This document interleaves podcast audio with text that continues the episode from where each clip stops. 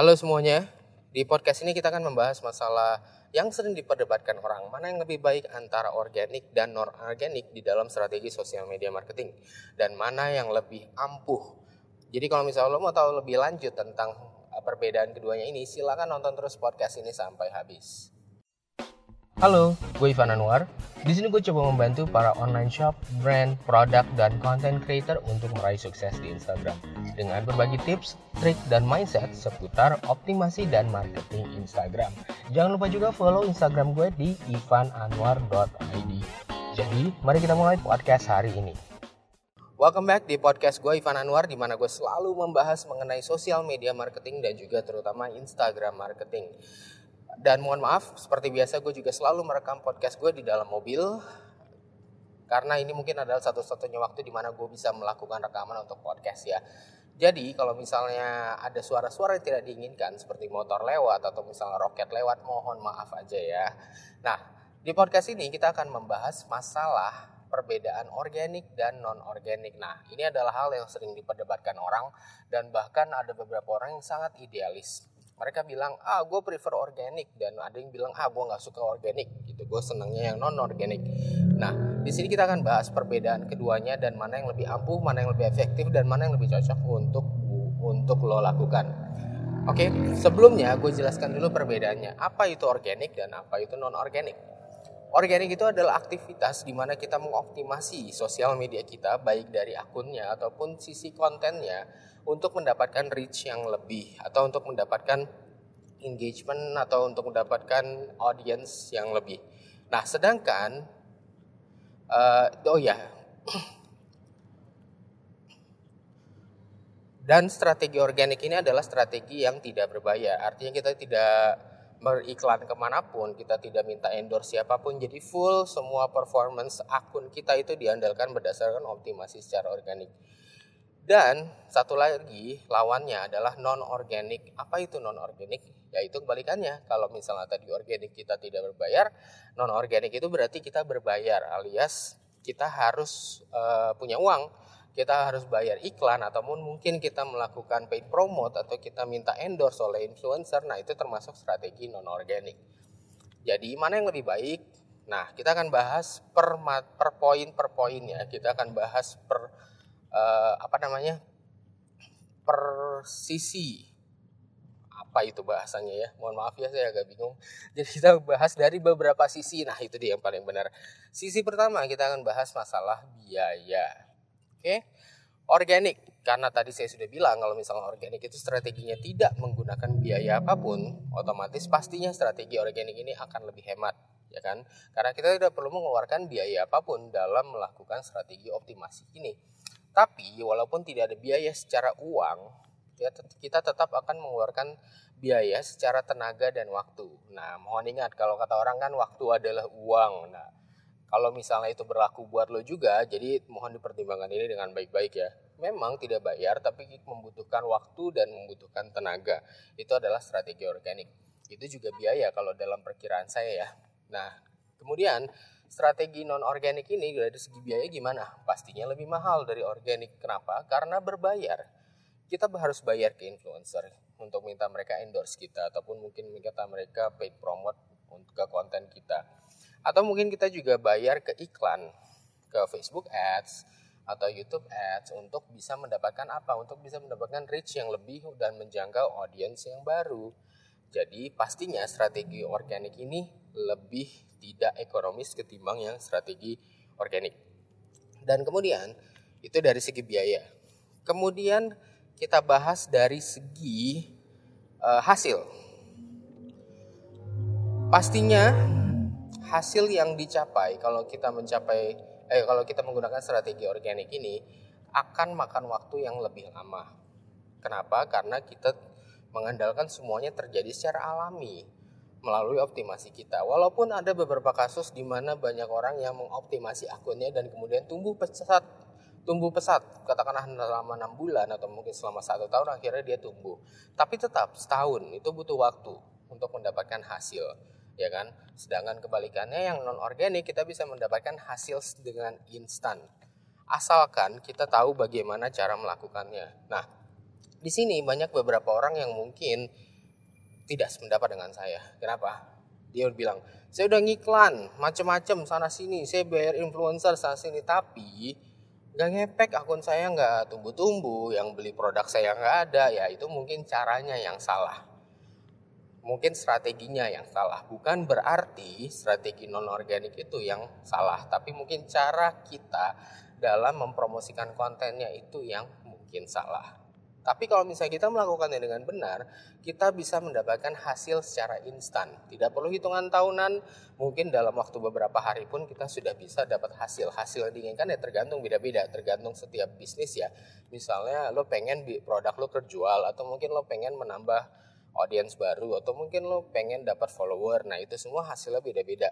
Orientasi goalnya itu beda-beda. Jadi uh, tolong diingat saat kita mau melakukan strategi non organik kita harus tahu apa tujuan kita buat apa kita melakukan ini campaign kita harus disusun sedemikian rupa supaya tujuan kita itu tercapai nah jadi dari sisi waktu tentunya eh sorry dari sisi hasil tentunya strategi non organik menang dia pastilah karena dia berbayar dibandingkan dengan yang gratisan. Jangan ngarep lo mau kayak gratisan tiba-tiba ngarepnya dapat banyak ya kan? Nah oke sekarang kita ngebahas dari sisi keampuhan atau kesaktian ya kan? Mana sih yang lebih ampuh mana yang lebih sakti organik dan non organik pertama dari sisi organik. Ampuh ampuh kalau boleh saya bilang ya. Ampuh banget. Kenapa? Organik itu memang butuh waktu organik itu tidak singkat. Dapat hasilnya lebih lama. Tapi once kita sudah bisa dapatkan hasilnya itu saya jamin akan ampuh luar biasa. Itu saya jamin akan benar-benar uh, menghasilkan untuk Anda, tapi memang butuh waktu dan tenaga untuk mendapatkannya. Jadi bukan berarti yang strategi organik ini nggak nggak mempan, mempan aktif, eh uh, ampuh tapi butuh waktu. Gitu aja. Nah, sedangkan fasilitas eh fasilitas. Kok gue jadi agak ngaco ya hari ini ya? Skip skip skip. Oke fasilitas. Bukan fasilitas maksudnya tapi loyalitas. Gini kalau misalnya let's say lu punya follower di Instagram ya kan? Dan follower lo ini lu bener-bener bangun secara organik. Bener-bener bangun dari nol ya. Biasanya follower lo itu akan menjadi loyalis lo mereka akan menjadi orang yang benar-benar percaya sama lo dan mau lo sodorin apa aja biasanya karena mereka udah ngefans banget sama lo itu biasanya yang terjadi ya jadi kalau lo punya strategi organik yang sudah bagus dan mapan dan tumbuh dengan baik, ibaratnya lo jualan apa aja lo tinggal merem doang udah bisa deh. Karena lo udah punya loyal audience di dalamnya. Nah, beda hal dengan yang namanya non organik. Berarti non organik gak ampuh dong bang karena gak ada loyal audience ya belum tentu jangan salah. Non organik juga ampuh, ampuh banget ya kan kalau dibilang mana yang lebih ampuh, ya saya bisa bilang dua-duanya plus minus lah ya. Nggak ada yang lebih, nggak ada yang kurang. Nggak ada yang lebih bagus, nggak ada yang kurang bagus gitu. Jadi semuanya plus minus. Tapi non organik juga ampuh. Kenapa? Karena kayak tadi saya bilang, kita bisa mendapatkan hasil lebih cepat dari strategi organik. Kita bisa mendapatkan hasil dalam hitungan hari. Misalnya kita pengen produk kita kejual, kita bisa cepat kejual. Kita pengen, uh, let's say follower kita nambah, bisa tiba-tiba nambah secara signifikan ya kan? Itu dengan strategi non organik misalnya kita ngiklan kepada target market kita. Dan kemudian mereka akhirnya tiba-tiba ada yang membeli produk kita atau mungkin tiba-tiba follow kita. Nah itu adalah uh, hasil-hasil yang bisa kita dapatkan dan itu terjadi secara instan instan lagi instan mohon maaf ya kalau hari ini saya agak-agak blunder otaknya terjadi secara instan beda hal dengan yang namanya non organik nah Kembali kayak saya yang bilang tadi, strategi ini agak harus dilakukan dengan hati-hati. Kenapa? Karena ini pastinya strategi berbayar. Dan kita harus melakukannya dengan benar, sesuai target, sesuai dengan campaign kita, sesuai dengan tujuan kita, apa yang mau kita lakukan. Benar-benar harus diseleksi dengan baik. Kalau tidak, hasilnya akan ambiar. Oke, jadi balik lagi ke masalah efektivitas atau keampuhannya, dua-duanya sama bagusnya menurut saya Cuman bedanya adalah cara eksekusi dan waktu yang dibutuhkan. Tapi dua-duanya benar-benar menghasilkan uh, tingkat keampuhan yang luar biasa. Oke, okay? nah overall uh, overall kalau saya pribadi saya akan lebih pilih mana? Apakah saya menjalankan strategi organik atau non organik? Uh, saya pribadi saya akan menjalankan dua-duanya. Why atau kenapa? Karena strategi non organik itu adalah short term strategy atau strategi jangka pendek. Sedangkan strategi organik itu adalah long term strategy atau strategi jangka panjang. Dua-duanya harus balance. Jadi lo nggak bisa menjadi orang yang idealis dan cuman ah oh, gue maunya organik doang atau gue maunya non organik aja gue capek jalanin organik nggak gitu. You have to do both. Dua-duanya itu harus jalan secara seimbang. Karena who knows kita nggak tahu. Kita nggak bisa selamanya mengandalkan pay traffic kan. Itu namanya pay traffic ya antara endorse iklan itu namanya pay traffic oh ya kalau misalnya lo mau tahu apa yang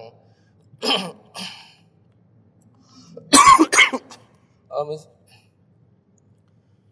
nah, kita tidak bisa selamanya mengan kita tidak bisa selamanya mengandalkan pay traffic.